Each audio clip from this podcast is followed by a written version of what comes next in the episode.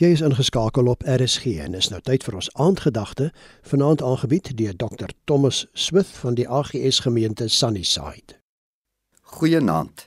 Ek praat met u oor wat beteken Jesus se koms vir jou en my. Ons vierde gedagte vind ons in Lukas 4 vers 19. Jesus het gekom om aan gevangenes vrylating te verkondig. Die God wat ons dien en aanbid, wil hê ons moet vry wees. Die skrif kan moontlik op twee tipes gevangenes dui: 'n geestelike en 'n fisiese gevangenes.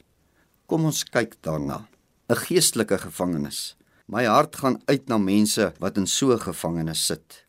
Moontlik is die gevangenis erger as 'n fisiese gevangenis. Daar is soveel goed in die lewe wat 'n mens kan vang, bind en in boeye sit: sonde, drank, dwelms, woede en nog baie ander. Dis so lekker om 'n kind van God te wees, want ons is vry. Hoe nader jy aan die Here leef, hoe meer vry raak jy. Die Here dwing en forceer jou nie om enigiets te doen nie. Sy Gees werk in jou om te wil. Jy wil bid, wil die woord lees, wil hom gehoorsaam en doen wat hy sê. Daarom sê Jesus in Johannes 8 vers 36: As die Seun julle dan vrygemaak het, sal julle waarlik vry wees. As jy dalk een van die is wat nie vry is nie, weet, daar is hoop vir jou. Kom na Jesus en ontvang die totale vryheid wat hy wil gee. Nie vas, gebind of in kettinge nie, waarlik vry.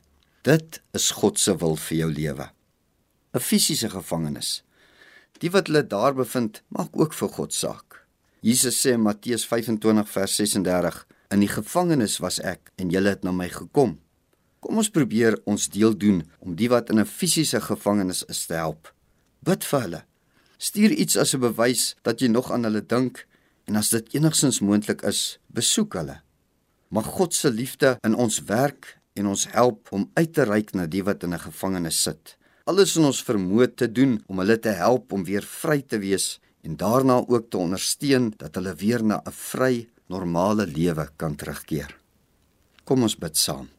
Here, dankie dat U 'n God van vryheid is en dat dit U wil is dat ons waarlik vry sal wees. Ek bid vir elkeen wat luister dat hulle U vryheid sal ontvang en deelagtig sal word, ook die in 'n fisiese gevangenis. Help, Here. Amen.